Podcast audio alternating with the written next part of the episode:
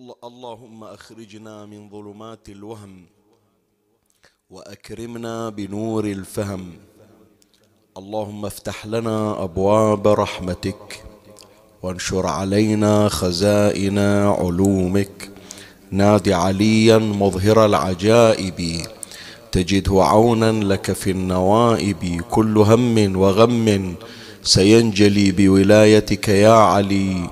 يا علي يا علي يا أبا الغوث أغثني. يا فارس الحجاز أدركني بلطفك الخفي ولا تهلكني. يا مولاتي يا فاطمة بنت محمد أغيثيني. يا كاشف الكرب عن وجه أخيه الحسين. أكشف كربي بجاه أخيك الحسين. صلى الله عليك يا سيدي ويا مولاي يا رسول الله. صلى الله عليك وعلى آلك الطاهرين.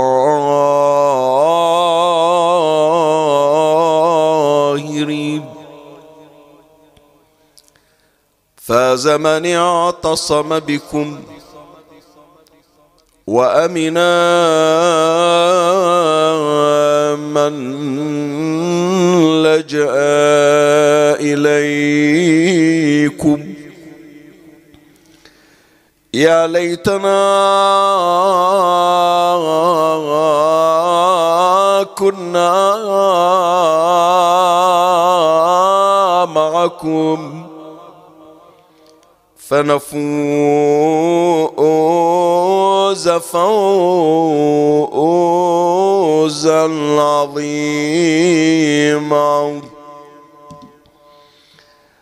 اللهم صل على محمد وآل محمد وعجل فرجهم. بسم الله الرحمن الرحيم. اللهم يا من دلع لسان الصباح بنطق تبلجه وسرح قطع الليل المظلم بغياه بتلجلجه وأتقن صنع الفلك الدوار في مقادير تبرجك وشعشع ضياء الشمس بنور تأججك يا من دل على ذاته بذاته وتنزه عن مجانسة مخلوقاته. وجل عن ملائمتي كيفياته يا من قرب من خطرات الظنون وبعد عن لحظات العيون وعلم بما كان قبل أن يكون. برحمتك يا أرحم الراحمين. وصل اللهم على سيدنا ونبينا محمد وآله الطاهرين صل على محمد اللهم صل على محمد وآل محمد وعجل فرجه اللهم صل على محمد اللهم صل وسلم على محمد وآل محمد وعجل فرجهم والعنات من أهم الموروثات الشيعية والتي لا زالت الطائفة تحافظ عليها ومستمرة بتداولها مع تقدم السنون دعاء الصباح وهو الدعاء المأثور والوارد عن إمامنا أمير المؤمنين علي بن أبي طالب صلوات الله عليه. وقد كان أمير المؤمنين عليه السلام يعقب بعد صلاة الصبح بهذا الدعاء. يعني جنابك أنت لما تتعود على قراءة دعاء الصباح بعد فراغك من صلاة الصبح لا تظن أنك قد ابتكرت هذا الأمر. عندك مجموعة من الأدعية من الأدعية انتقيت منها هذا الدعاء. وهذا ارتجالا منك. لا. هذا اقتداء واحتذاء بمسلك أمير المؤمنين عليه السلام. أمير المؤمنين صلوات الله عليه حينما يفرغ من صلاته يبتدئ بالتعقيب من ضمن التعقيبات التي يعقب بها أمير المؤمنين عليه السلام بعد فراغه من صلاة الصبح هذا الدعاء. إلا إلى الآن إحنا نقرأه ونحافظ عليه. ولما قلت بأن دعاء الصباح من أهم الموروثات أو من أهم المواريث في عالم الأدعية والمناجات لا أعد الحقيقة يعني لا أتصور أن بيتا يمر عليه يوم من غير قراءة من غير قراءة دعاء الصباح من بيوتات الشيعة. هذا سواء كان في البحرين في العراق في إيران في دول الخليج. سائل البلدان والمناطق الشيعية أينما كان الشيعي حتى لو كان في المهجر لا ينسى هذا الدعاء. المساجد تضج بقراءته. صحن أمير المؤمنين سلام الله عليه. حرم أمير المؤمنين عليه السلام يصدح في كل يوم في صبيحة كل يوم بقراءة دعاء الصباح. وهذا الدعاء يعد من أهم الأدعية إنصافا لما فيه من مضامين مهمة سواء مضامين يعبرون عنها بالمضامين الكلامية.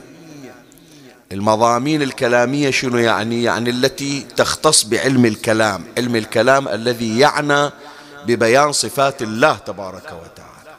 يا من دل على ذاته بذاته وتنزه عن مجانسة مخلوقاته وجل عن ملاءمة كيفياته علماء الكلام حينما يبحثون الصفات الإلهية يختارون هذه المقاطع من دعاء أمير المؤمنين سلام الله عليه. يعني. هذا من ضمن مضامين هذا الدعاء.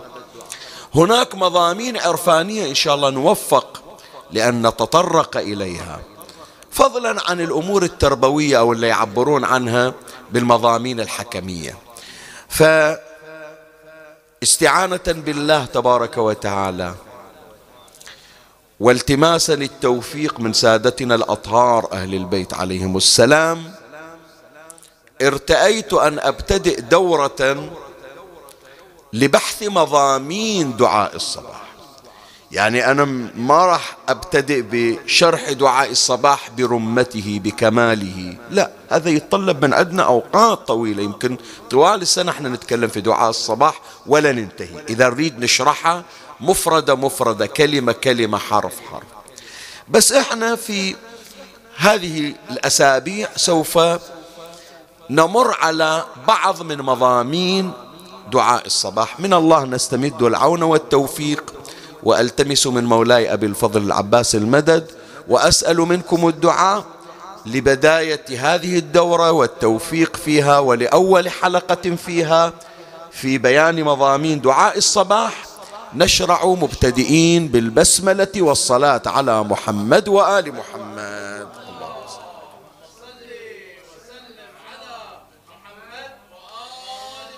نبتدئ بالفقرة الأولى.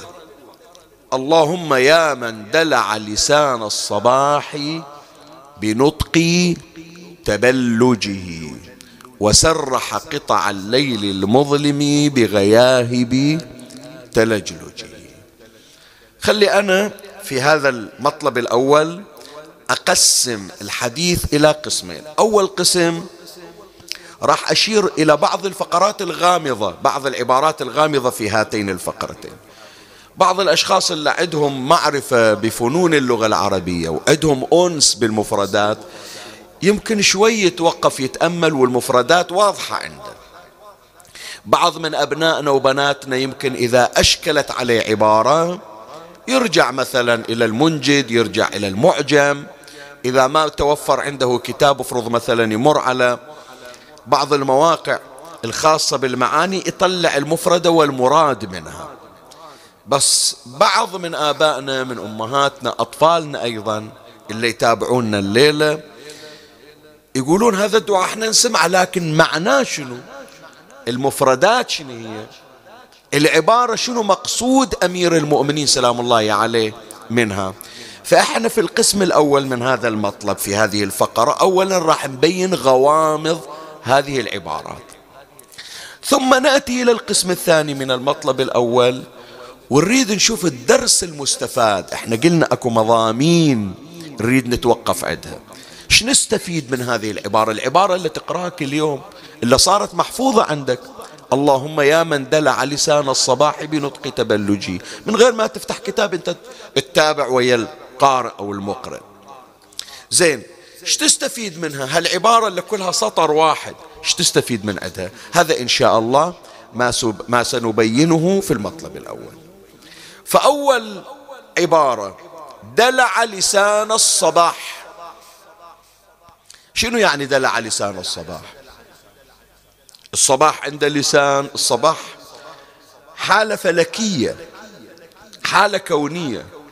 الصباح حال خروج الشمس ووصول الأشعة والضياء والفوتونات من جرم الشمس إلى جرم الأرض وإنارة الكوكب والكرة الأرضية هذا إحنا نطلق عليه بأنه صباح وإلا هو وصول شعاع الشمس.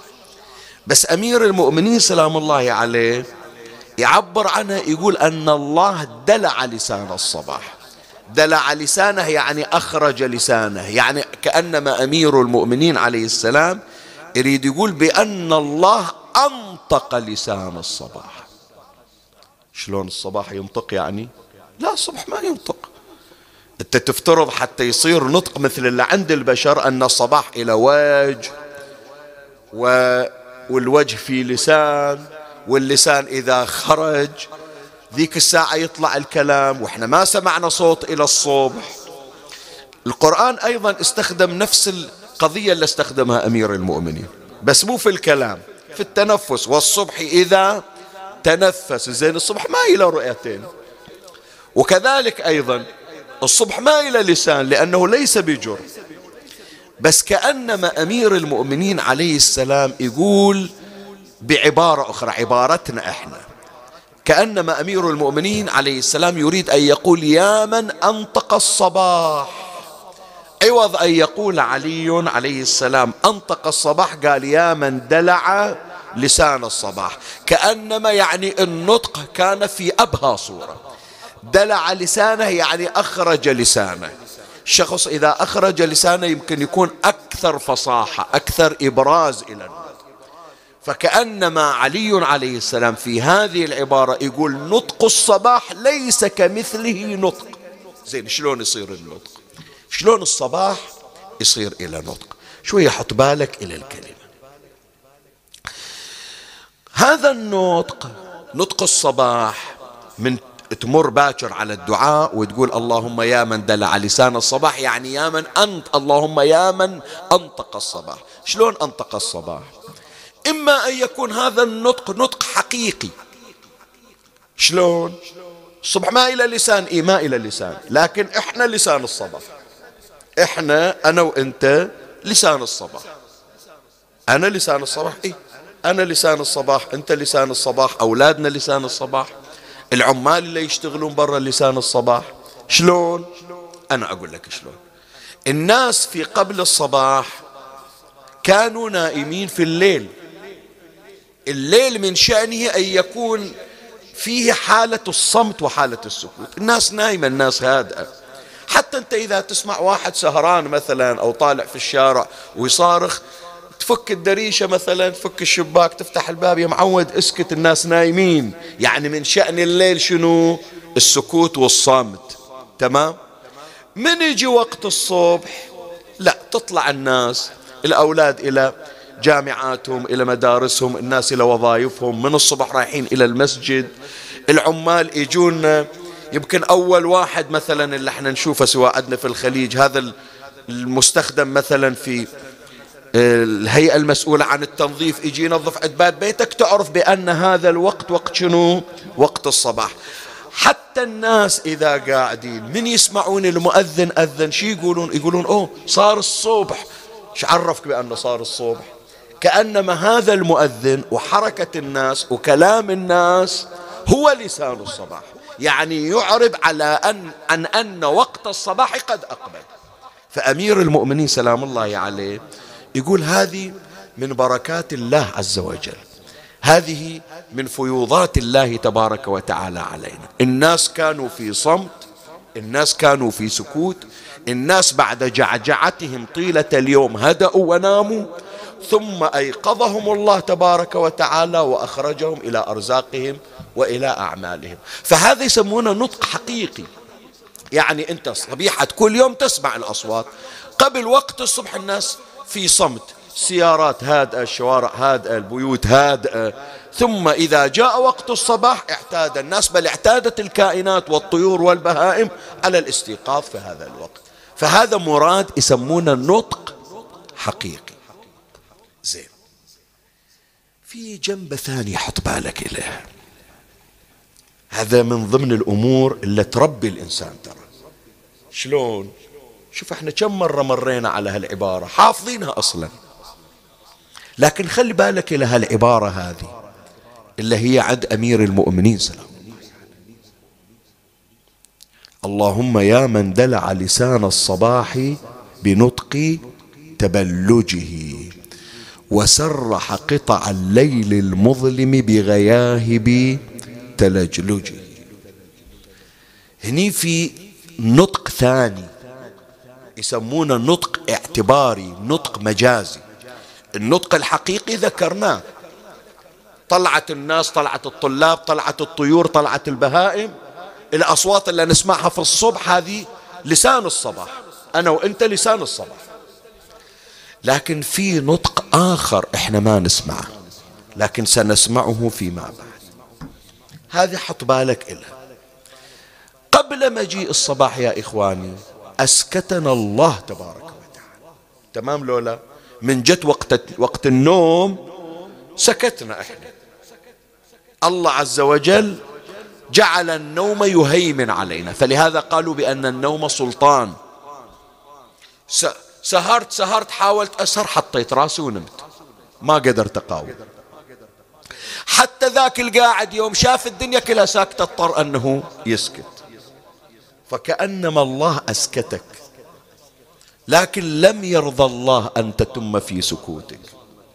فلما جاء الصباح أنطقك حينما أنطق الكون معك. فكأنما الله يعطيك تدريب من الآن. سيد حط بالك للكلمة. الله يعطيك تدريب من الآن كل ليلة وكل صبيحة. يلي تقرأ دعاء الصباح حط بالك باكر من تقرأ الدعاء. الله سكتك الليل وأنطقك الصباح. لأنه راح يجي يوم مثل ما أسكتك الله باختيارك. باكر أجي سكتة رغما سكتة إجبارية. شلون أنا أقول لك؟ الليلة لا ما أنا ساكت ما أنا نايم أنا بقعد سهران. إلى الصبح بقعد سهران. مو إلا يكون في معصية قد يكون في رضا الله عز وجل.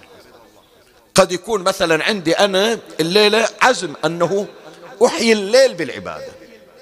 وبات الحسين وأصحابه ليلة العاشر من المحرم ما بين قائم وقاعد وراكع وساجد ولهم دوي كدوي النحل. الليلة أنا ما أنا ساكت. الليلة أنا بشتغل بالعبادة بقرأ قرآن إلى الصبح. تمام لو لا؟ فأنت في الدنيا عندك سكوت شي يسمونه سكوت اختياري.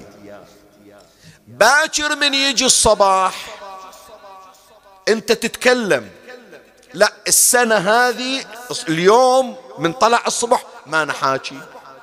إيش قالت مريم بنت عمران؟ إني نذرت للرحمن صوما فلن أكلم اليوم إنسيا فهذا الصمت إلا بالليل صمت اختياري. وباشر الكلام أيضا كلام اختياري نطق اختياري. يدربنا الله في الدنيا على الصمت الاختياري وعلى النطق الاختياري. لأنه يوم القيامة سيأتي صمت إجباري وسيأتي بعده نطق إجباري. شلون؟ أنا أقول لك وين الصمت الإجباري؟ وخشعت الأصوات للرحمن فلا تسمع إلا همسا. خلاص. لسانك إلا شطولة في دار الدنيا إلا ما حد مفتك من حكيك على الآخرين. باكر من غصب عليك راح تسكت. زين ما راح أتكلم باكر أحكي؟ أحكي بالفضايح. إذا أحكي مو بكيفي هذه مو القناة الفضائية اللي أتكلم فيها على هواي ومشتهاي هذا مو مجلس إلا من أقعد فيه أحكي على فلان وعلى أعراض الناس. الآن لا الآن محكمة ربانية الآن زبانية بأيديهم مقامع من نار. ما أقدر الآن أحكي. فأنا راح أسكت أقول بيطالبوني إيش سويت بدار الدنيا؟ ما أنا رايح. ما أنا متكلم. لا غصبا عليك تحكي. ما أنا حاجي مو من حلقك تحكي. زين من وين؟ القرآن الكريم يأتي ويذكر اليوم نختم اللهم يا مجير. اليوم نختم على أفواههم. زين إذا نسد الحالق الحكي من وين؟ وتكلمنا أيديهم وتشهد أرجلهم بما كانوا يكسبون. فهذه يا إخواني من تجي الليل ونوفق للراحة. ترى هذا توفيق. أكو ناس الله حرمهم من لذة النوم. الحسين دعا على عمر بن سعد. وسلط الله عليك من يذبحك على فراشك عاجلا غير آجل. ظل يتمنى النوم ما يحصله فأنت إذا الله أعطاك لذة النوم هذه من النعم التي أنعم الله تبارك وتعالى بها عليك. أسكتك الله سكوتا اختياريا. باكر من الصبح من تقعد. تصلي صلاة الليل. تصلي نافلة الفجر. تصلي صلاة الصبح. تقرأ شيء من القرآن. تقرأ الأدعية والمناجات تبتدئ بالتعقيب تذكر الله تسلم على أمك تسلم على أهلك يشوفون شلون قاعد تونس وياهم. هذا بمنة ونعمة من الله. هذا نطق اختياري. هذا تتذكر أنه في يوم القيامة سيأتيك سكوت إجباري يعقبه نطق إجباري. فإحنا إذا أسكتنا الله عز وجل يوم القيامة نريد من الله أن ينطقنا بالخير. وتدري النطق بالخير يوم القيامة شنو؟ النطق بالخير يوم القيامة أن تظهر حبك لمحمد وآل محمد صلى الله عليه وسلم.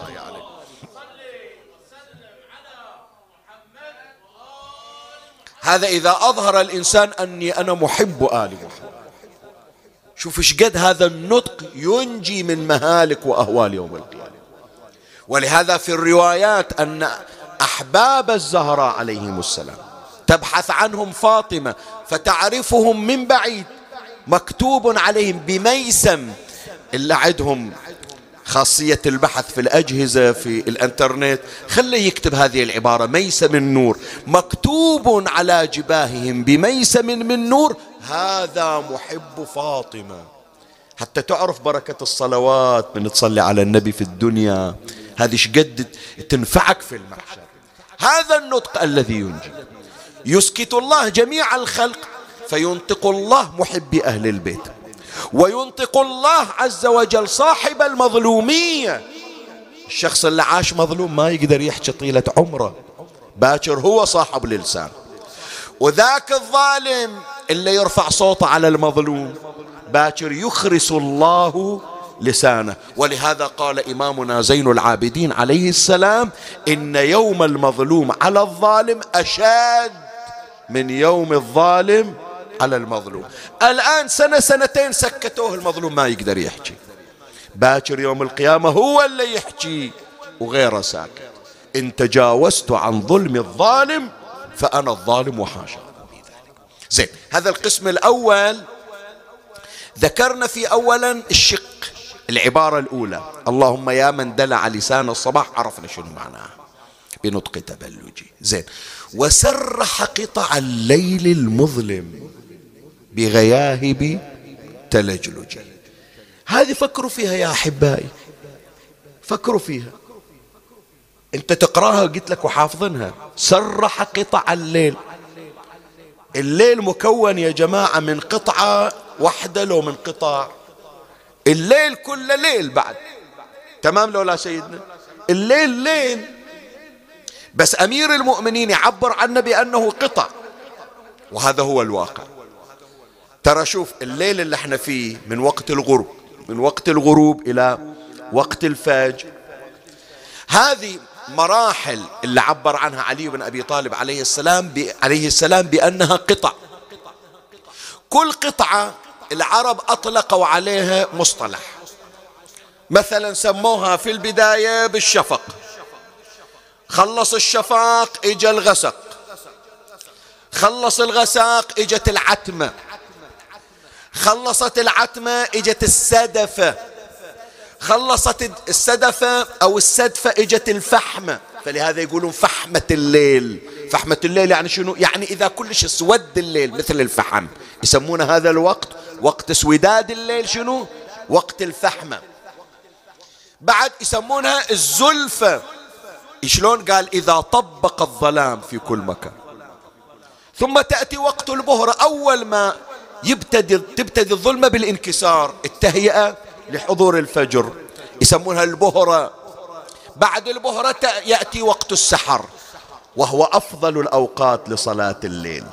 بعد السحر يأتي الفجر هذه كلها قطع الليل. هذه اللي أشار إليها أمير المؤمنين سلام الله عليه. وسرح قطع الليل المظلم بغياهب تلجلجه. فالله تبارك وتعالى من مننه علينا من عطاياه علينا أن هذا الليل كلما اسود واسود واسود كلها هذه الله يقلعها ويأتيك بيوم جديد. يزيل تلك الظلمة ويعطيك النور والبهاء.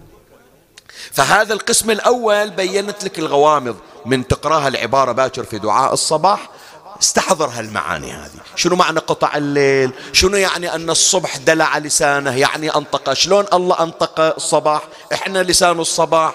شلون سكتتنا في الليل وكلامنا في النهار وتذكر سكوتنا في يوم القيامة؟ وكيف سينطق الله عز وجل أيدينا وأرجلنا؟ طيب.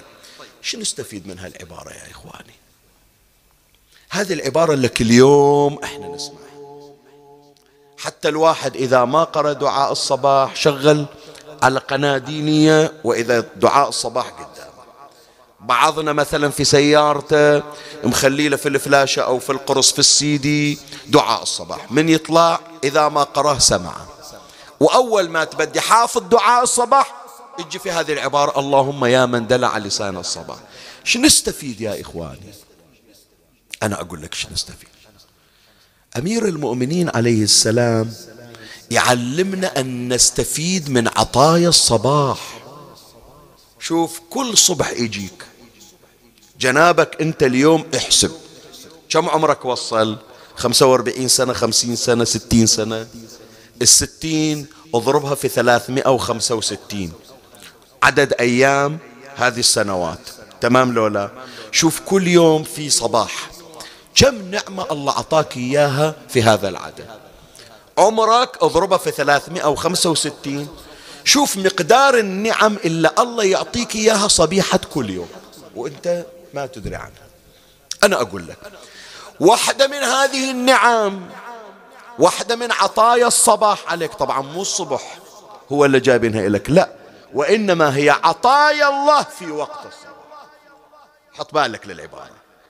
الصباح مو هو اللي يعطينا لا. من اللي يعطينا؟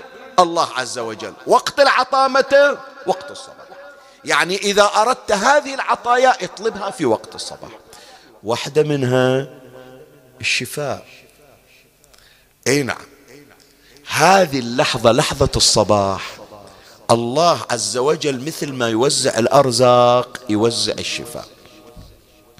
ولهذا يمكن يفيدونا الدكاترة يعني يعرفون بأنه أفضل أوقات المرضى في لحظة الارتياح هذه الفترة. يا ريت يصير تتبع. يعني نوجه خطابنا إلى الكادر الطبي إلى إلى الممرضين إذا يتابعون جزاهم الله خير. يعرفون من المرضى ندعو الله لهم في هذه الليلة وفي كل ليلة أن يمن عليهم وعلى سائر المرضى بالشفاء والعافية. خلهم يرصدون هالوقت. وقت الفجر وقت ما بين الطلوعين تحديدا. يعني من طلوع الفجر إلى طلوع الشمس. هذه الفترة وراح أبين لك الآن. خلي يرصدون هالحالات. شقد يهدؤون المرضى. الآلام والأنين والضجيج اللي كانوا يسمعونه مثلا في وقت الظهيرة في وقت العصر في الليل. خلي يرصدون. يشوفون في الأعم الأغلب هذا الوقت. هل فعلا هناك في حالة من الهدوء والاستقرار أو لا؟ هذه من وين عرفنا بأنه في وقت الصباح هناك نعمة شفاء تنزل؟ حتى لو ما إجا شفاء تام هناك ارتياح يأتي هناك استقرار حالة استقرار تأتي. هذه يشير إليها إمامنا الباقر عليه السلام. الإمام الباقر صلوات الله عليه مر عليكم القضية إحنا ما نقدر نجيبها بكمالها وتمامها لأنها تستهلك وقت كبير. بس أنا أخذ الجزء اللي نحتاجه. الإمام الباقر عليه السلام أخذ إلى الشام في زمن هشام ابن عبد الملك وزج به في السجن مع ولده الإمام الصادق عليه السلام. فلما خلي عنهما وأطلق سراحهما ورجع الإمام الباقر عليه السلام إلى المدينة أول ما طلع من السجن. إجا ويا الإمام الصادق فصادف أن ذاك اليوم عند أهل الشام كان عيد إلى النصارى إلى المسيحيين. يوم خاص عندهم يوم مميز. فسأل الإمام الباقر صلوات الله عليه صاير عندكم؟ قالوا هذا اليوم يوم مهم عند النصارى يوم من أعياد النصارى. وهاليوم النصارى في الكنيسة عندهم عالم عالم نصراني. طول السنة ما يطلع ما يشوفونه. قاعد في صومعته في خلوة في اعتزال. يطلع يوم واحد في السنة هاليوم. فأي مسيحي أي نصراني عنده سؤال يوجهه إلى العالم في هذا اليوم. بس يخلص يرجع. الإمام الباقر عليه السلام استغل هالحدث. فالتفت إلى الإمام الصادق قال له خلي رداءك على رأسك ما نريدهم يعرفون أنه إحنا مسلمين. يمكن يتضايقون من وجودنا فإحنا نقعد في أوساط الناس. الإمام خلى رداءه على رأسه الإمام الصادق خلى رداءه على رأسه وإجوا وقعدوا بين أوساط الناس. هذا الراهب النصراني العالم من طلع الروايات تشير إلى أن حاجبيه متدليان على وجهه. يعني دلالة على يقولون كبر السن طاعن في السن. فقعد قام يطالع قام يطالع وقعت عينه على الإمام الباقر وعلى الإمام الصادق عليه السلام. أشر إليه قال له تعال. الإمام قام إجا. قال له خير. قال له أنت منا أم من الأمة المرحومة؟ الأمة المرحومة يقصد من أي أمة؟ أمة نبينا محمد صلى الله عليه وآله.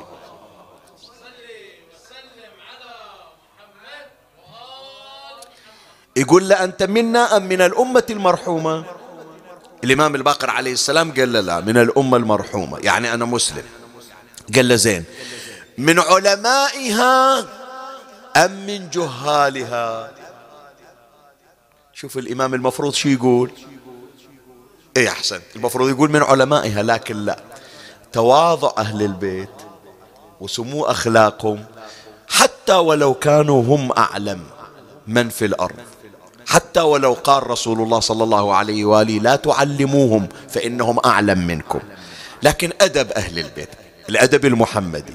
يقول له أنت من علمائها أم من جهالها؟ إحنا لو واحد يسألنا نقول من علمائها. الإمام شو يقول؟ لست من جهالها. يعني شنو؟ يعني من علمائها. بس ما أقول أنا من علمائها. هذا خلاف التواضع. اليوم تعال شوف البعض شلون عنده أنتوا تهمشوني أنتوا تباعدوني. أنا هالقد لي تجربة أنا هالقد لي سنوات. هالقد أنا درست في الجامعة هالقد أنا خطيب على المنبر هالقد أنا كذا شايف؟ زين هذا ترى فضل من الله عليك. أن الله رزقك العلم والمعرفة فضل من الله عز وجل عليك. التعالي على الناس بهذا الفضل يسلب الفاضل من شكر النعمة من لوازم الشكر التواضع لله تبارك وتعالى. رسول الله صلى الله عليه وآله وهو سيد الخلق لكن إذا شاف واحد يرتاع من عنده يقول له هون عليك ما أنا إلا ابن امرأة تصنع القديد. ترى أنا حالي حالكم أمي تطبخ مثل ما أمهاتكم تطبخون. لا تظنون صح أنا سيد فضلني الله بالرسالة. لكن قل إنما أنا بشر مثلكم يوحى إلي. شايف؟ فيقول له لست من جهالها. شاهدنا وين؟ العالم النصراني يسأل الإمام الباقر قال له راح أسألك مسائل وجاوب عليه يقول له تسألني أم أسألك؟ الإمام شي يقول له؟ المفروض واحد يقول أنا بسائلك بس يقول له لا سلني. ما قال سلني إلا قطعا عند الإمام علم لا ينزف بالدلاء وعلم لا يمكن لأحد أن يكذبه. فسأل هذا موضع شاهدنا سأل عن هالمسألة. قال أسألك عن ساعة لا هي من ساعات الليل ولا هي من ساعات النهار. أي ساعة هذه؟ المفروض بأنه الأربعة وعشرين ساعة يقسمونها حتى عندنا بالساعات وبالموبايل. AM PM مو تمام؟ زين هذه لا هي AM ولا هي PM لا هي من ساعات الليل ولا هي من ساعات النهار. يقول له أسألك عن ساعة ليست من ساعات لا هي من ساعات الليل ولا هي من ساعات النهار. الإمام سلام الله عليه يقول له تلك هي الساعة بين طلوع الفجر وطلوع الشمس. هذه لا هي محسوبة من الليل ولا هي محسوبة من النهار. قال له إذا هي لا هي من الليل ولا هي من النهار إذا من أي ساعة؟ قال من ساعات الجنة. أي نعم شوف هذه الساعة هي رحمة خاصة من الله. ليش أقول لك؟ عطايا إلهية في وقت الصباح. اتذكر اللهم يا من دلع لسان الصباح. يقول له هذه الساعة من ساعات الجنة. فأحب أقرأ لك كلمة الإمام سلام الله عليه. قال من ساعات الجنة وفيها تفيق مرضانا. الليلة قلت لك هذه رسالة أوجهها إلى أعزائنا. الأطباء الدكاترة الممرضين الكادر الطبي خلي يرصدون مثل هالوقت. يقول هذه رحمات الإمام الباقر يشير إلى أنها من عطايا الله في هذه الوقت على المرضى. فإذا واحدة من عطايا الصباح شنو؟ الشفاء. يقول, يقول الإمام وفيها تفيق مرضانا. أيضا من عطايا الله عز وجل في وقت الصبح شنو؟ الرزق. رزقك اللي تحصله وقت توزيع متى؟ وقت الصبح. ولهذا يقول أمير المؤمنين سلام الله عليه. أمير المؤمنين عليه السلام يقول واطلبوا الرزق فيما بين طلوع الفجر إلى طلوع الشمس فإنه أسرع يعني هذا الوقت فإنه أسرع في طلب الرزق من الضرب في الأرض. لو تشتغل طيلة النهار صح تحصل رزق لكن الرزق الأوفر تحصله متى؟ في هذا الوقت. فإنه أسرع في طلب الرزق من الضرب في الأرض وهي الساعة التي يقسم الله فيها الرزق بين عباده. فهذه أيضا من عطايا وقت الصباح. العطية الثالثة من الله عز وجل عطية البركة. شنو يعني البركة؟ أنا أقول لك. أنت تشتغل والله يعطيك لكن اللي أعطاك يا الله يزيد لو ما يزيد. إذا زاد يقولون هذا رزق مبارك. الله أعطاك ولد. الولد طيب خاطرك وأقر عينك وكان كما ترضاه لو كان أذى عليك. الولد موجود لكن إذا كان هذا الولد سبب خير عليك وسبب سعادة عليك صار ولد مبارك. شايف؟ البركة تحصلها متى؟ من أوقات حصولها متى؟ في وقت الصبح. ولهذا قال نبينا محمد صلى الله عليه وآله بورك لأمتي في بكورها. شوفوا أحبائي بناتي أولادي إخواني الأعزاء كل شيء تبحث عنه. أولادنا وبناتنا اللي الآن أيام امتحانات في الجامعة وفي المدارس. وقت التحصيل وقت المراجعة وقت المذاكرة الخطباء أيضا. الرواديد وقت التدريب وقت الحفظ وقت الاستعداد للعمل وقت التهجد وقت العبادة. استغلوا هذا الوقت. النبي صلى الله عليه وآله يقول موجود بركة خاصة في وقت الصباح.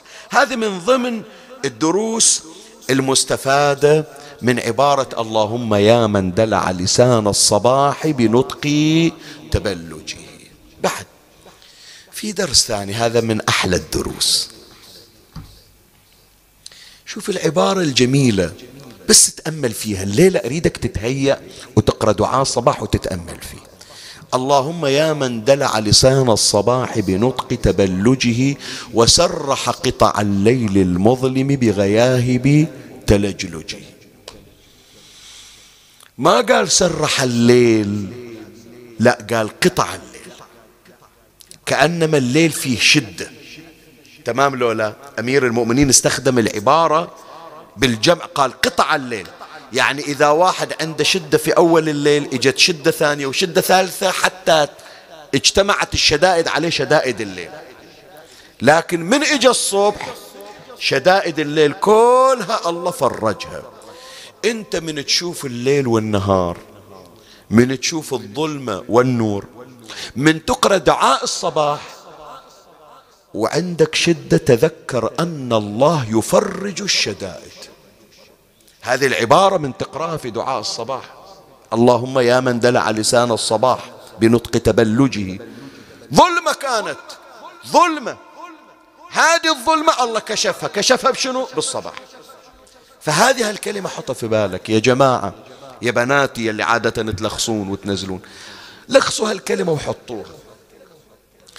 شوف انت تشوف بأن الدنيا ظلمة عندك. ليش؟ لأنه عندك مشكلة. فلان إلا زوجها مضايقنها فلان إلا زوجها مضايقنها فلان إلا مثلا عايش ويا أرحام مأذينة فلان إلا ذاك مسؤولة في العمل مضيق عليه فلان إلا عليه دين مو عارف شلون هالدين ينقضي. يتصور بأنه ما واحد مصاب في الدنيا مثل إصابته وما واحد عليه شدة مثل الشدة اللي عليه. تمام لو لا؟ طيب. هذا نموذج الليل الليل اللي غطى الكرة الأرضية أو على الأقل نصف الكرة الأرضية. وخيم على الكل والجميع.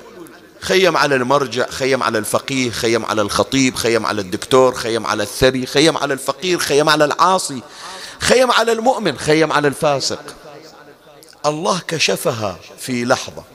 الله باعدها عن عن جميع نصف الكرة الأرضية في لحظات الذي قدر على أن يبدد ظلام الليل هل هو عاجز أن يفرج عنك عن ظلمة الشدة؟ سؤال أسأل. انت خلي هذا الليل درس إلك والصباح باكر من تقرأ دعاء الصباح درس إلك الله من جاب الصباح يقول لك شوف الظلام اللي كان مغطي نصف الكرة الأرضية. في لحظات طيرته وإجا الضوء يأتي شيئا بعد شيء حتى صارت الدنيا مبهجة بنور الصباح. فأنا إذا كنت والله عز وجل هو القادر على أن أبدد هذه الظلمة. الظلمة اللي عندك من شدة واحدة ما أنا عاجز عنها. بس أحتاج أن تخلص لي في الدعاء وأن تقول عسى الكرب الذي ها نحن فيه يكون وراءه فرج قريب. مثل ما الله طير الليل وجاب الصبح. ليل شدائدك تزول ويأتي صبح الفرج. ومن يجي فرج الله يا جماعة فرجه مو تقول لي حاجة أريدها وآخذها لا يأتيك الفرج من كل مكان. أي أيوة والله صدقني يا سيد الفرج يأتيك بحيث لا تتصور. قاصر تقول بس يا ربي وين أودي هالخير هذا اللي أعطيتني وخلي أجيب لك نموذج حتى تعرف الله من يفرج عن واحد شلون؟ جمال الفرج الإلهي. أيوب نبي الله أيوب عليه السلام الذي نضرب بصبره المثل. مو إحنا عندنا في أمثالنا نقول يا صبر أيوب. تمام لولا هي كلها سبع سنوات ثمان سنوات. أولاده راحوا 18 ولد راحوا من عنده في وقت واحد. انهدم قصر عليهم وكان طالع ويا زوجته ما إجا وإذا أولاده جنايز. أمواله كلها مزروعاته أبقاره أغنامه جماله كلها احترقت في ساعة واحدة. نايم من أثرى الأثرياء صبح من أفقر الفقراء. فقر المادة طبعا. فقر الإيمان هو في ليس ليس في قاموسه. هو من أثرى الأثرياء إيمانا. لكن فلوسه راحت في لحظة صحته وعافيته. ابتلاه الله بالشلل. صار ما يتحرك من عند إلا عينه وحلقة بس. جنازة ممددة. جنازة ممددة. حتى راسه ما يقدر يرفع. زوجته بنت الملوك. زوجته منو؟ أبوها يوسف الصديق. شوف بنت الملوك وبنت الأنبياء. رحمة اسمها زوجته اسمها رحمة. أبوها اسمه يوسف جدها اسمه يعقوب جد أبوها اسمه إسحاق جد جدها إبراهيم الخليل. تاليها تشتغل خدامة في البيوت. يوم يطردونها يوم يرفعون صوتهم عليها. تكنس البيوت تغسل المواعين تنظف. هذه بنت الملوك اللي طالعة من قصور مصر. لكن تقول ما يخالف أوقف. إذا أنا ما أوقف ويا زوجي منو يوقف وياه؟ سبع سنوات وأيوب يشكر الله. سبع سنوات. بعضهم يقول ثمان سنوات. أبدا. إلى أن إجا يوم من الأيام. أيوب سمع كلمة العراقيين يقولون غثته إحنا نقول ضيقت خالقه ضيقت خلقه العبارة. وبعض الروايات ينقلونها بعض العامة يقولون ذولا اللي حكوا وسمعهم أيوب منو؟ مو غرب إخوانه إخوان أيوب. مرة وشافوا أيوب ممدود على التراب وزوجته تاركتنا رايحة تدور على زاد تجيبه إليه فواحد من إخوانه يقول للثاني من إخوانه يقول شوف أيوب إيش صار بي كل يوم يصيح أنا نبي أنا نبي هذه حالة نبي. شوف شو مسوي من ذنوب بينه وبين الله والله عاقبة. إحنا العصاة ما صارت علينا مثل هالحالة. لكن واضح أن أيوب مسوي ذنب والله عاقبة. فالثاني من إخوانه يقول للأول اللي قال الكلمة شنو؟ لو علم الله في أيوب خير لما ابتلاه بما ابتلاه. وهو يسمع من سمع دمعة تسالت على خده. قال يا ربي كل شيء صبرت عليه. كل شيء صبرت عليه. أولادي راحة صحتي راحة أموالي راحة زوجتي قامت تخدم في البيوت. كل يوم تجيني بحال يوم رافعين صوتهم عليها يوم جاية ما تقدر تشيل عمرها. آخر يوم يوم ما حصلت أحد يشغلها ويعطيها قرص. ترى ما يعطونها فلوس يا سيد. تشتغل من الصبح إلى وقت الغروب يعطونها قرص إلها بس. تقسم القرص بالنص نص إلها ونص إلى ذاك المريض اللي عندها أي. إي والله. شوف من بعد القصور اللي عاشت فيها يسمونها متكئات آل فرعون اللي عايش فيها يوسف الصديق تالي هذا وضعها. وصابر إلى أن إجا يوم طردوها ما حصلت شيء فاضطرت إلى أن تبيع شعرها. مرت قال لها قال لها واحد إيش عندك؟ تبكين؟ قالت ما شغلوني ما أعطوني.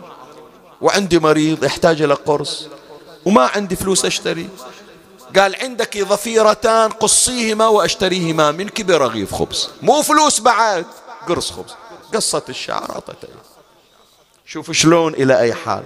قال يا ربي كل شيء صبرت عليه. تاليها هم شماتة. صعب علي فلهذا قال ربي مسني الضر وأنت أرحم الراحمين. القرآن يذكر وأيوب إذ نادى ربه أني مسني الضر وأنت أرحم الراحمين. شوف الله شعطه. شوف من إجا الفرج الإلهي الله شعطه. بدال ما الله ينزل عليه الشفاء الله قال له راح أراويك شلون أشافي. يعني الآن الآن المرضى اللي دائما يسألون من عندنا الدعاء من ي... الله يشافيهم. شو تقولون؟ الشفاء جاي في باكيج حاطينه إليكم في علبة ودازينه بالإيميل إلكم. ال DHL مطرش لك شفاء. لا. شفت نفسك أنه العافية إجت إليك تمام لو لا؟ زين. الله يقول لأيوب راح أراويك مادة الشفاء. شلون أنا أشافي المرضى؟ راح أراويك مادة الشفاء. ولهذا القرآن الكريم وصف فيما جرى من أيوب عليه السلام قال أركض برجلك هذا مغتسل بارد وشراب. الماء اللي في الجنة اللي بيه من عند ننزل الشفاء إلى المرضى مو ننزله إلك لا نزلنا الماء وانت تشافي نفسك بنفسك. يعني أنت المتصرف بالفرج فرج على كيفك شفاء على كيفك. فلهذا قالوا أن أيوب كان عمره 120 سنة. فوق ال 120 سنة هم مشلول ثمان سنين. أنا 14 يوم يا جماعة في حالة شبه الإعاقة من رد تمشي ثمان خطوات كأنما ثمان كيلومترات أنا ماشي. يلزموني يمين وشمال بسرعة أطيح ما أقدر أوقف. وكلها 14 يوم. زين ثمان سنوات مشلول. هذا شلون يمشي؟ من حط جبرائيل في ذيك العين عين الماء اللي نزلت إلى من الجنة. الشلل كله راح المرض كله راح المية وعشرين سنة سواها. الله عشرين سنة. شوف شلون من يجي فرج رب العالمين شلون. زين كبير في السن صار عمره عشرين سنة. زوجته رحمة مية سنة عمرها. الله رجعها إلى أيوب بعمره كرامة لأيوب. شوف الفرج من الله تبارك وتعالى. هذه الآية الليلة قروها في القرآن حتى تعرفون فرج رب العالمين وكيف يفرج الله الكربات. الله تبارك وتعالى يقول ووهبنا له أهله ومثلهم معهم. شلون؟ غير أولادة قلنا بأنه البيت انهدم عليهم وماتوا. زين يا ربي أولادي راحوا يا ربي ما عندي ذرية. مثلا الله يقول إحنا راح نعطيك ذرية بديلة.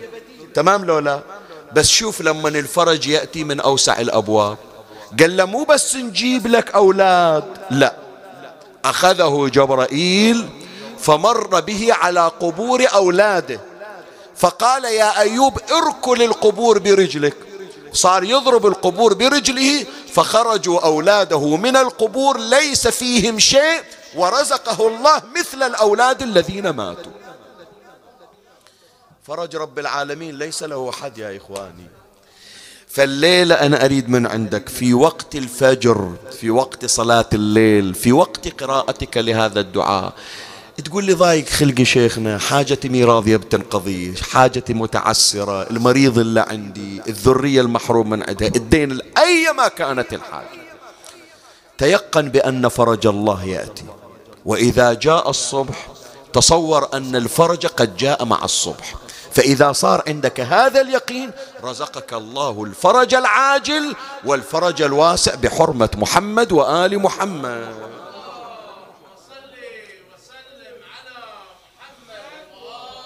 ختاما المطلب الثاني وهي الفقرة الثانية.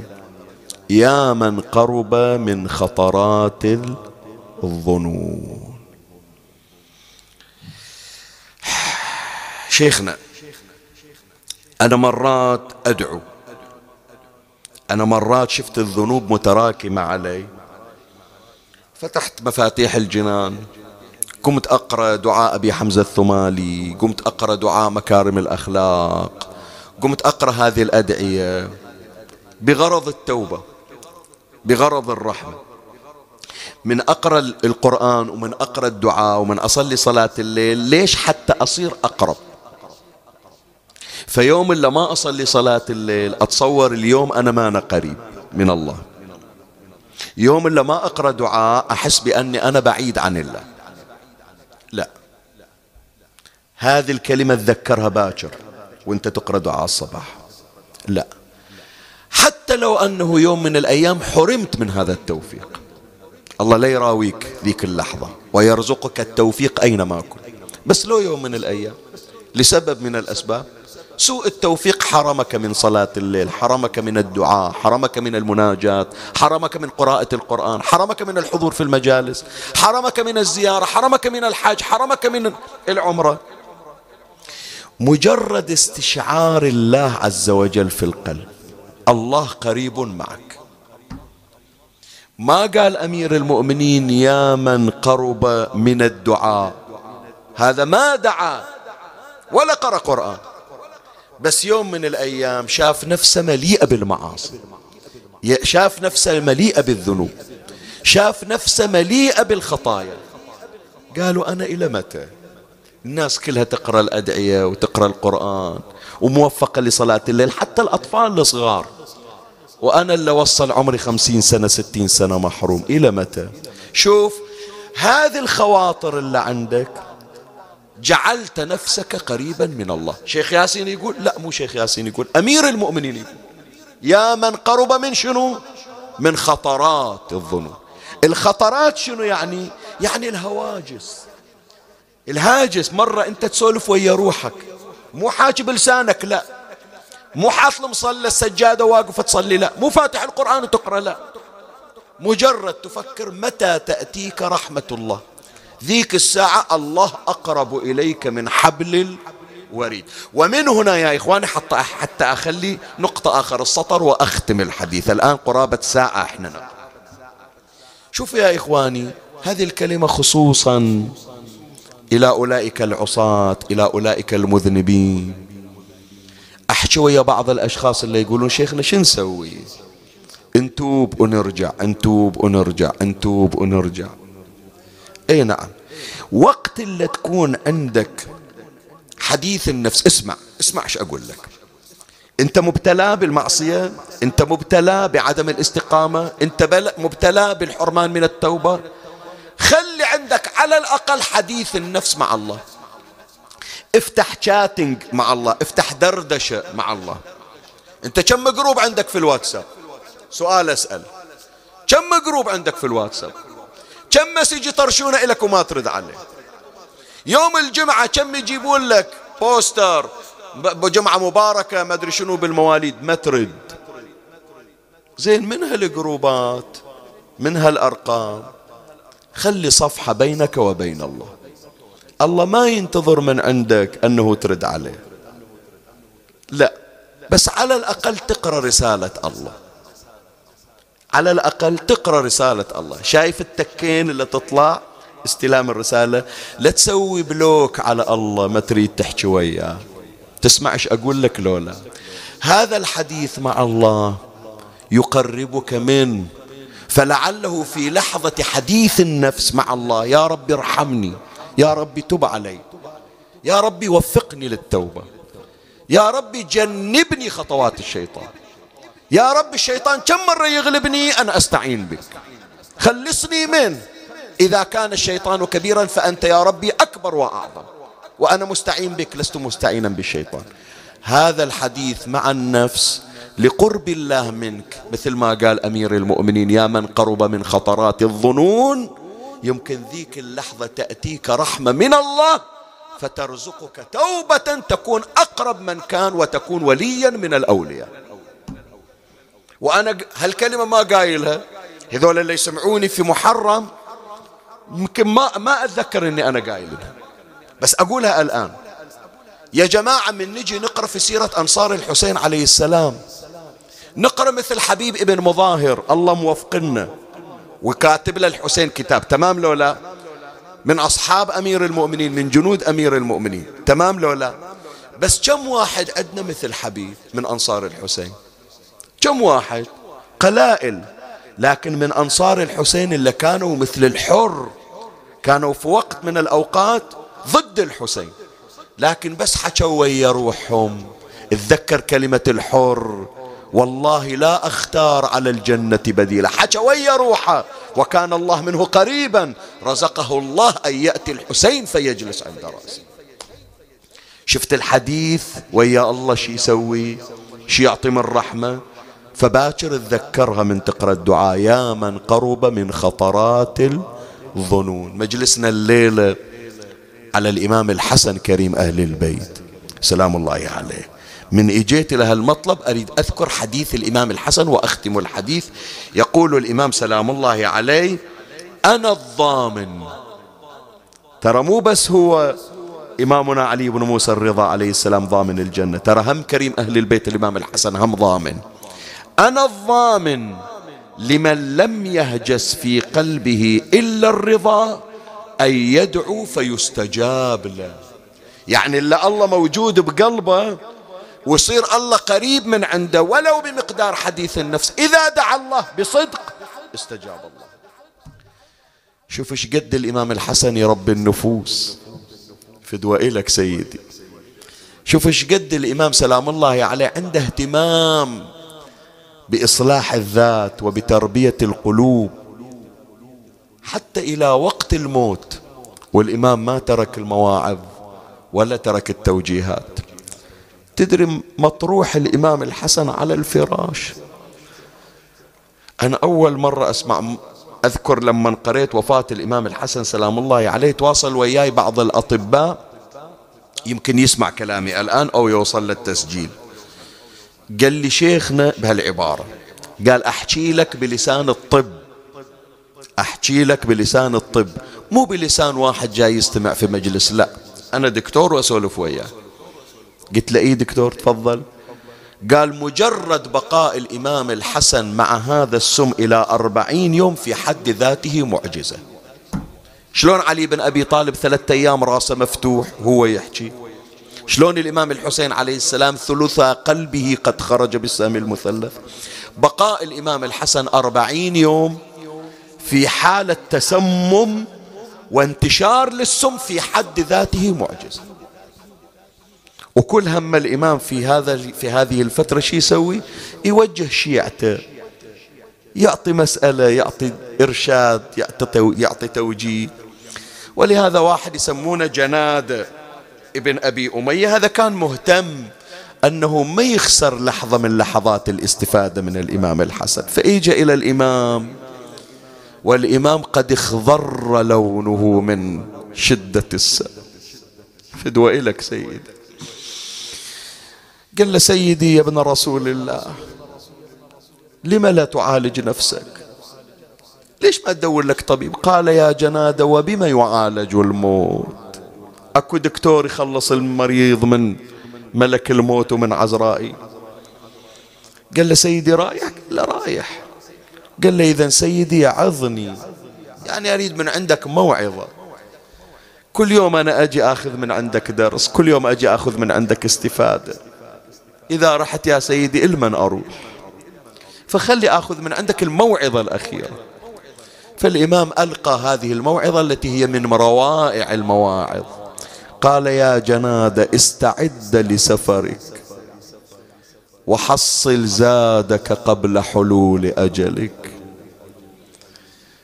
واعلم بأنك تطلب الدنيا والموت يطلبك.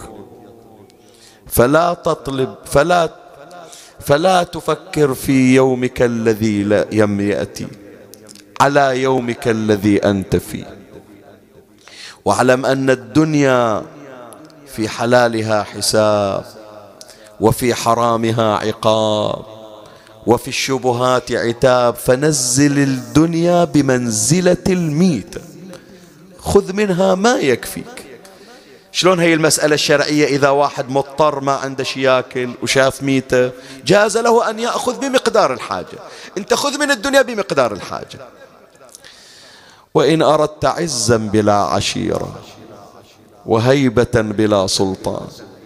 فاخرج من ذل معصية الله إلى عز طاعته. شوف هذا اللي صدق يمتثل لأوامر الله. شلون الله يعز بين أوساط الناس. جنادة مدنق ويكتب مواعظ الإمام الحسن وصوت الإمام الحسن متحشرج متقطع من شدة الضعف. جنادة يقول للإمام يحكي شوية سكت. كل مرة هو من يتكلم ياخذ نفس يجر نفس ويحكي وياي بصوت ضعيف. الآن أشوفه سكت. رفعت رأسي وإذا الإمام مالت رقبته وأغمي عليه. المن يروحون إلى العضيد الحنون أبو علي. فدوى إلك يا أبا عبد الله. إجا الإمام الحسين عليه السلام نظر إلى أخيه فجلس عند رأسه. صير رأس الحسن إلى حجره. أول ما فتح عينه قال له أبو علي علي بالطشت. قال له أخويا شو تسوي بالطشت؟ قال له الطشت اللي يمك دنا من عندي إلي حاجة بي. فأخذ إمامنا الحسين الطشت وجعله عند رأس أخيه الحسن. يعني تصور المنظر. الحسين قاعد وظهر الحسن على صدر الحسين. والطشت صاير عند وجه الإمام الحسن. فذيك الساعة الإمام الحسن دنق راسه بالطشت وصار يتلوى وهو في حجر أخي. كان الحسين يقول له أبو محمد إيش صاير بيك؟ أشوف أوضاعك متغيرة. فلسان الحال أسألكم الدعاء الليلة تأخذون حاجتكم من كريم أهل البيت. طاحت يا أخويا كبدي يعني تسألني إيش صاير بي أقول لك إيش صاير بي. طاحت يا أخويا كبدي الزم عليها بيدك. أنت يا أخويا عضيدي وأنا يا أخويا عضيد لكن يا أخويا شبيدي وانت يا أخويا شبيدك كبدي أنا متقاطعة وكبدك علي مفتوت الاخ الحنون اللي يوقف ويا أخو. اللي يوم محتاج أخوه يودونه إلى الخارج يعالجونه قال أنا اللي أروح ويا أخوي أنا اللي أشيله أنا اللي أمده على الفراش. يا حسين أنا وياكم باقي سواد الليل. ترى بس الليلة وياك أبو علي. زين وباكر الصبح وين تروح؟ يا حسين أنا وياكم باقي سواد الليل. ومن الصبح تابوتي للمقبرة بتشيل ترى بس الليلة تسمع سوالف وياك يا أخوي. باكر مشغول بتغسيلي باكر انت اللي تشيل جناستي باكر انت اللي تنزع السهام من نعشي باكر ترجع إلى زينب والتراب على عمامتك يا أبو علي من المقابر. يا حسين أنا وياكم باقي سواد الليل. ومن الصبح تابوتي للمقبرة بتشيل. صابت يا خويا فينا أهل الغدر والحيل. لكن ما صايب كربلاء من هالكبد مفتوت. أبو محمد شي بتشيك هذا ألم السم؟ هو اللي يبكيك؟ قال له لا يا أخوي. هذا السم وإن كان موجع لكن ريحني من هم الدنيا ومن غمها. شي بتشيك أبو محمد. قال له يا اخويا ابكي إذا مرت زينب على ظهر الناقة ومشت عنك وأنت مقلوب على وجهك يا أبو علي. أنا وقت الموت حصلت أخو قاعد عندي لكن أنت يا حسين وقت الموت بناتك خواتك كلهم ماشيين عنك ومخلينك على التراب قل له يا نور العين لا تبكي ولا تنوح. أنا على معزة عالج طلعت الروح. وانت تظل بكربلاء بالشمس. مطروح مرمي على التربان لا راس ولا يدين أويلي. الليلة الليلة خاص أريد أحكي ويا الإخوان. هذا الأخ اللي أخوه بالمستشفى يقول له أخوي إيش تحب أجيب لك؟ إيش تحب تاكل؟ من عيوني بس تتدلل. كان الحسين يسأل الحسن أبو محمد شو تريد أجيب لك؟ يقول له شيل الطشت خوف الوديعة تشوف كبدي. هذا اللي أريده يا أخوي. شيل الطشت خوف الوديعة تشوف كبدي خوفت والنوم من بجاه يزيد وجدي. هذه وديعة والدي حيدر وجدي ما أقدر أشوف دموعها بخدها جري ويلي الليلة يمكن يعتبون علينا. يمكن بعض من أخواتنا يقولون شيخ ياسين الليلة حكى بس ويا الإخوان. زين ترى هم الأخت الحنونة قلبها يتلوى أكثر من الأخو. ليش ما تذكرون الأخت بعد؟ إي ما يخالف. هذه الأبيات إلى أخواتي. مثل ما وقفنا ويا الحسين بمصيبة الحسن أريد من عندكم توقفون ويا زينب. صدت ولن تشوف طشت ممتلي دم. شافت قطع كبد الحسن متقطع بسم. صرخته هي فوق الوجه والراس تلطم. كبدك يا خويا مقطعة وتخفي علي الخطباء عادة من يجون إلى مصيبة الحسن يقارنون بين طشت الحسن وطشت الحسين. مو تمام؟ يقولون زينب شافت طشتين الطشت الأول فيه كبد الحسن والطشت الثاني فيش فيه يا سيد؟ رأس الحسين.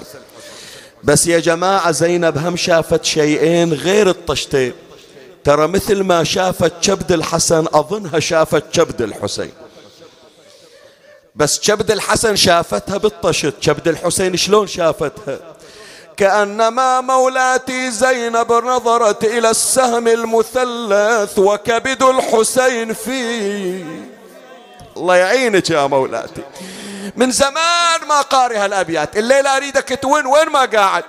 زينب تحيرت ذيك الساعة ما تقدر تخلي أخوها على التراب صحيت سكنة يا عم خلني قعد أنا وياك. خلي نشيله من على التراب زين يا عم إذا شلناه وين تودينا؟ سكنة يا عم خلني قاعدة خليني على صدري أسند. أريدك توين سمعني صوتك. خليني على صدري.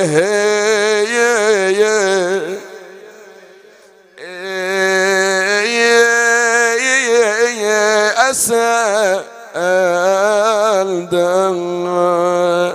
تقلها يا عم شلون قعدة شلون اقرا هالبيت والله ما ادري يتعب القلب بس التصور في حال تقلها يا عم شلون قعدة وسهم الذي واقع بكبده ما تعطيني مهلة.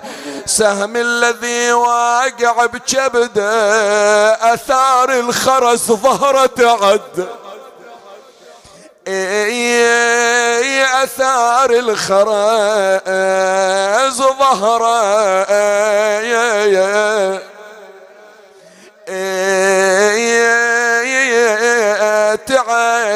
تعهد سمعت أخوها الحسين يون على التراب. أبو علي شو اللي يخليك تون؟ السهم قال لها لا يا زينب. ضربة الحجر؟ لا يا زينب. هل جرح هل جرح لا يا زينب. شي بچيك أبو علي؟ شي يخليك تون؟ قال لها عاد المصوب ينسقى ماي. كل واحد جروحة تنزف يجيبون ماي. يغسلون جروحه ويقطرون بحلقة. خويا عايدة عايدة عاد المصوب ينسق الماي والماي وين ابو اليتعدى إيه أنا اوصيك بعيالي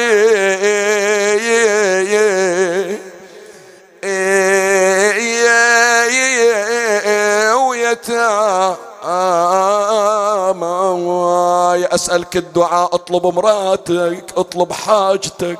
اذكروا حوائج إخوانكم يا إخواني. زينب ذيك الساعة الحسين يطلب من عندها ماي ما عندها ماي. من وين تجيب له؟ قالت قالت سمعنا ليعالج سمعنا ليعالج يحضرون وعند المنازع يحضرون وشربة مية يشربون. والله شربة مية يشربون ما شفنا الينازع يذبحون يذبحون وبالخيل صدره يكسرون لا يذبح الكبش حتى يروى من ظمئين ويذبح ابن رسول الله عطشا.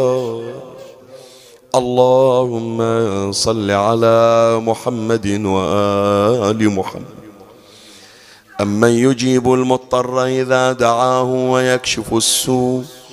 أمن يجيب المضطر إذا دعاه ويكشف السوء.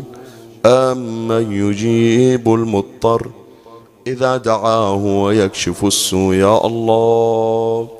إلهي بمحمد بعلي بفاطمة بالحسن بالحسين بعلي بمحمد بجعفر بموسى بعلي بمحمد بعلي بالحسن بالحجة ابن الحسن بجاه أم البنين بجاه أبي الفضل العباس بجاه كل ولي عندك لا ترد له دعاء. اللهم اقض حوائجنا يا الله وحوائج المحتاجين سيما من سألون الدعاء لأجلهم.